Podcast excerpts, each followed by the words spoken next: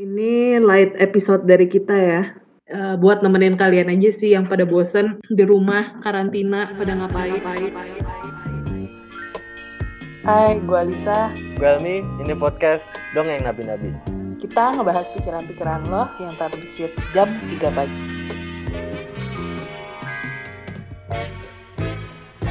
Pada di karantina nih, bingung, bosen, mau nonton apa, Nah, di episode kali ini kita bakal bahas our favorite movies. Siapa tahu kalian bisa nonton. Lo apa Mi? The the the best movie for you? Film Itali, sutradaranya namanya Paolo Sorrentino. Uh, filmnya judulnya La Grande Bellezza, artinya The Great Beauty. Filmnya tentang ada penulis umurnya 70 tahun kalau nggak salah waktu film itu itu dia ngerayain ulang tahun 70 tahun. Sebelumnya dia udah bikin buku cuman satu doang, tapi sukses banget. Itu mhm. ditulis mm -hmm. dia umur 23 25 tahun waktu itu. Tapi setelah itu dia pindah ke Roma. Dia berusaha mau nulis buku lagi, cuman dia terdistract karena keindahan Roma. Jadi dia hmm. mau mencari the great beauty buat mulai buku baru yang mau ditulis. Tapi selama itu dia dia tuh nggak nemu The Great Beauty itu apa. Jadi waktu buku hmm. pertama dia nulis itu dia lagi jatuh cinta berat lah sama si cewek. Kenapa suka itu? Karena ya itu itu bakalan diliatin betapa cantiknya Roma. Musiknya keren banget. Kalau Sorrentino kalau milih musik itu pasti bagus-bagus. Terus musik-musik Itali semua? Enggak, enggak. Musiknya lebih campur sih. Enggak, enggak, enggak musik Itali. Dia pinter banget ngombinasiin scene sama musik. Kadang kelihatan aneh tanda kutip kayak wicked kesannya. Terus warnanya bagus, sinematografinya aduh gila. Gue selama sejauh ini udah per, udah nonton 8 kali. Tapi gue masih nggak tahu maksudnya sebenarnya apa hmm. matiin aja itu film tapi emang emang keren banget itu jadi jadi kayak atmosfernya lu dapet yeah. gitu ya mm -mm, mm -mm. banget kalau gue sebenarnya yang yang nggak weird itu 500 Days of Summer. Oke. Okay. Kayaknya semua orang udah nonton kalau 500 Days of Summer. Sorry, jadi gue nggak akan bahas itu. Kalau my weirdest favorite movie itu Lolita. Lolita. Pernah nonton gak lo? Gue belum pernah nonton deh. Itu sebenarnya itu dari itu based on true story ya. Jadi kayak orang ini tuh kok nggak salah sempet di penjara si orang Rusia ini namanya Vladimir Nabokov. Dia bikin novel di penjara, terus udah gitu tuh kayak si novelnya ini tuh akhirnya baru boleh diterbitin sudah Lolitanya meninggal in real life. Jadi Lolita tuh nama samaran, nama aslinya itu Dolores Hayes. Jadi di tahun 50-an si Vladimir Nabokov ini in real life dia tuh pindah ke US. Nah, dia tinggal di guest house yang ada hostnya gitu. Yang tinggal di rumah itu tuh seorang ibu janda sama anak ceweknya yang masih 12 tahun.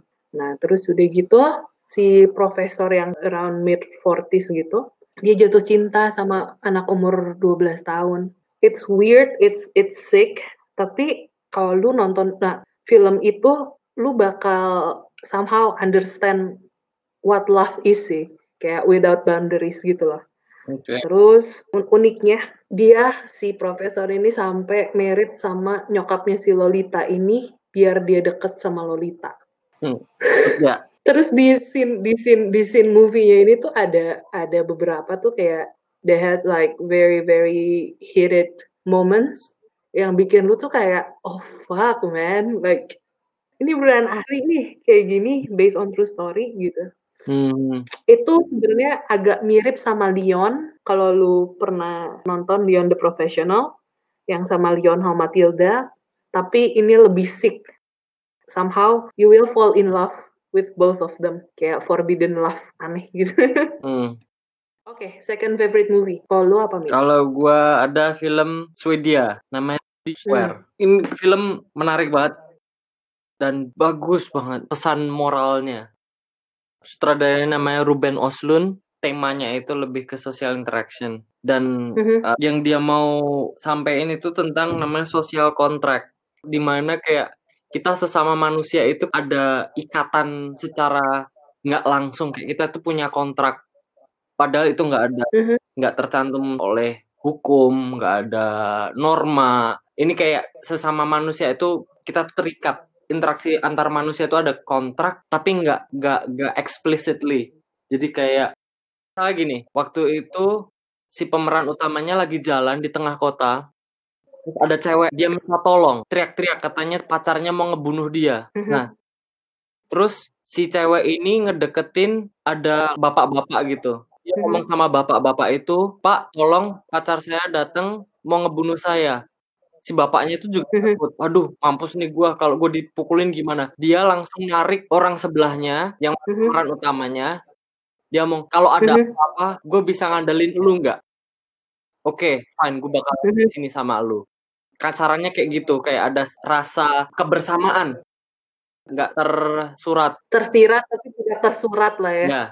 Uniknya film ini ini banyak scene-scene yang kalau lu misal lu lihat rada melenceng ke kanan dikit itu tragedi, lu melenceng ke kiri sedikit itu komedi.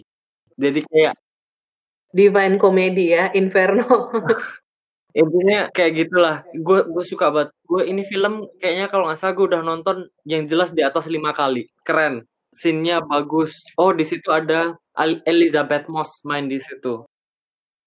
Eh, Elizabeth Moss tuh yang main Hmm. Batman, yang main Handmaid's Tale, baru yang Mhm. terkenal dia bar- akhir-akhir ini dia main itu Invisible Man. Hmm. Salah satu favorit ak- aktris favorit gua tuh Elizabeth Moss. Terus nonton. Emang filmnya lama sih, cuman bagus banget. Tapi dia mostly banyak interaksi gitu ya, kayak eh, sedikit adegan-adegan ininya. Iya, jadi ini kalau di, secara garis besar nih intinya ada apa ya kayak segi humanistic value yang bahwa kita bisa ketawa anjir ini manusia banget. Bahwa kita itu sebenarnya kayak segerombolan hewan ternak yang Hmm. waktu itu kayak ikut sendiri kayak kita cuma mikirin makanan kayak gitu-gitu. Terus bahwa kita itu driven by our ego tapi kita nggak tahu bahwa itu ke depan tuh bahwa itu tuh kayak bakalan jadi awal kehancuran kita gitu. Kayak si karakter utama ini dia melakukan sesuatu karena driven by ego dia padahal itu aslinya sebenarnya perkara konyol istilahnya tapi jadi katastrofik buat karirnya dia di akhir itu dari Hmm. awal sampai akhir itu tentang downfall si pemeran utama.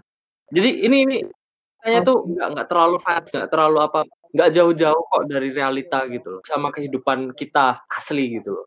Hmm, menarik. Yes. Kalau gue second favorite movies Ruby Spark itu malah aneh banget kebalikan dari yang lu ngomong tadi. Oke. Jadi ini tuh sebenarnya simple kayak awalnya tuh filmnya santai gitu, cuman bisa lu terakhir-terakhirnya lu bakal bertanya sih kayak what the fuck actually is going on. Hmm. Ini sebenarnya love movie juga, kelihatannya kayak chick flick gitu. I think indie indie movie gitu kayak low production juga. Uniknya ini jadi si pemeran utamanya ini dia penulis, dia ngebayangin cewek gitu ya, dia ngebayangin kayak eh, dia kayak oke lah aja anggap kayak he's a loser gitu kan, kayak gak pernah bisa dapet cewek, kayak he's a nerd something like that. Terus udah gitu tiba-tiba dia selalu nulis tentang cewek ini, gimana cantiknya, gimana perfectnya cewek ini, sayang sama dia. Ternyata cewek itu ada di depan dia. Hmm. Jadi yang dia semua dia tulis itu secara harfiah Hmm. kejadian di depan mata. Wow. Itu ending itu endingnya bagus banget. Gue nggak mau ceritain. Itu kayaknya lu bakal tercengang dan kayak what Hmm, hmm, agak fakta agak fakta jadi mm-mm. Jadi lu ini deh cari sendiri deh. Coba deh itu itu recommended kalau buat siang-siang santai sembari di hammock gitu kan. Hmm, kalian eh, di karantina di bawah pohon gitu kan. Kena angin-angin dikit. Nah ini pas banget deh lu nonton ini deh. Hmm. Mumpung summer nih, bisa nonton di luar. Oh nggak Hmm, summer deng, spring. Tapi udah panas.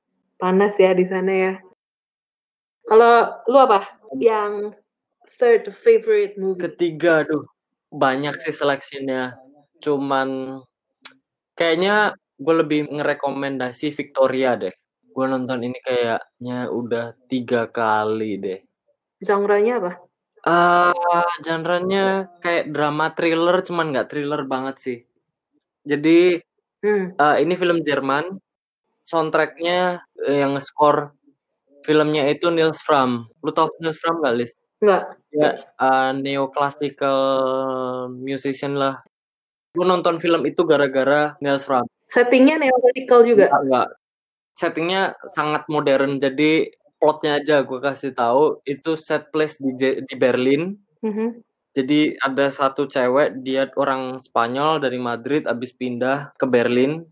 Terus dia ke klub, ketemu cowok, tapi semua itu menjadi katastrofik. Lu nggak nggak nggak nyangka banget bahwa end apa, ujung-ujungnya film ini bakal jadi ke arah situ gitu. Jadi film ini tuh kayak itu loh, yang nggak ada cut-nya, kayak Birdman. Jadi emang beneran kayak Mhm. real time, jadi kejadian dari jam 4 pagi sampai jam 6 apa sampai setengah 7 pagi. Nah, gue saking sukanya sama film ini, gue kayak melakukan umroh waktu gue ke Berlin. Tempat-tempat lokasi syutingnya itu. Tempatnya itu di daerah gaulnya Berlin lah, rada hips-hips gitulah, di Kreuzberg. Ya gue pertama kali Berlin gue langsung datengin tempat-tempatnya, terus gue, "Oh ini kafenya di sini, oh tempat dugemnya di sini, oh di sini, oh ini yang ini mati di sini," kayak gitu-gitulah. Jadi kayak dia lebih ke real time gitu ya? Heeh. Tapi ada Hmm. rada action ini, kayak bisa bikin deg-degan, ada action-nya. Soundtrack-nya bagus banget, Nils Frahm yang bikin. Lumayan nih. Hmm. Buat kayak kalau malam-malam sendirian gitu kan ya? Heeh. After dinner sendirian gitu kan, antara ada dan tiada, mikirin eksistensial, mending lu nonton itu Iya, aja deh. Victoria. Bagus kok, vibe-nya vibe-nya asik asik banget lah. Nggak thriller gitu ya Enggak enggak vibes-nya? enggak. Thriller maksud gue, the thriller bukan yang nakut-nakutin, enggak. Cuman Mhm. intinya kayak tiba-tiba dia heist, tapi biasanya kalau lu lihat-lihat sinopsisnya disebutin sih. Hmm. Ujung-ujungnya ke situ, cuman itu bagus banget. Victoria ya? Ya, Victoria. Yang main it eee, Laia Costa, yang terkenal, sama Mhm. satu lagi Frederick Lau. Dia terkenal juga, dia sering main film-film Jerman. Bisa di ini, referensi. Kalau gua yang ketiga ini film ringan. Ini karyanya Wes Anderson. Oke. Kayaknya kalau kalian pada suka desain, pasti lu pada suka ini deh, sinematografiknya Wes Anderson. Itu kayak static sinematografik gitu kan. Ini judulnya The Royal Tenenbaums. Dia tuh sebenarnya ceritanya simpel, tentang keluarga. Mhm. Tentang keluarga yang broken family, simpel banget, cuman diceritain gimana rasanya menjadi orang-orang kaya yang mereka masih punya bapak, cuman mereka feeling fatherless gitu loh. Eee, mereka nggak ada figur bapak growing up, padahal bapaknya masih ada di situ gitu. Nah ini tuh sebenarnya kalau kalian pada suka yang sinematografiknya aneh tapi ceritanya santai, coba lihat karyanya Wes Anderson deh. Tipenya begitu, kayak Royal Tenenbaums gitu. Dia ada yang Darjeeling Limited juga, itu juga tentang brothers. Simpel ceritanya, tentang perjalanan brothers ke India. Tapi semuanya tuh dikemasnya tuh secara sinematografik banget. Jadi lu tuh dapet feeling-nya, terus lu dapet kayak sensasi weird shit-nya gitu dapet gitu. Hmm. Pokoknya recommended banget lah karya-karyanya Wes Anderson nih, bagus banget. Oh ya, terus ada tambahan satu, sebenarnya kalau kalian ada Netflix, nonton deh karya lokal, karyanya Andi Bahtiar Yusuf. Aktornya dia Gading Martin. Nama filmnya Love for Sale. Tapi gue baru nonton yang pertama sih. Lovers? Aduh itu bagus banget. Oh ya? Love dia kayak sebenarnya simpel banget dia ceritanya tentang tau gak sih lu kalau kayak Cina-Cina di glodok gitu Hmm. kayak keturunan Chinese Indo di glodok yang lu tuh Chinese banget tapi tuh lu Indo banget gitu sebenarnya Mhm. yang gaya-gayanya tuh yang seperti itu gitu kayak terus ya itu dia tuh kesepian terus dia nge-hire seseorang jadi pacarnya dia gitu. Nah, terus kelanjutannya, aduh lu mesti nonton deh.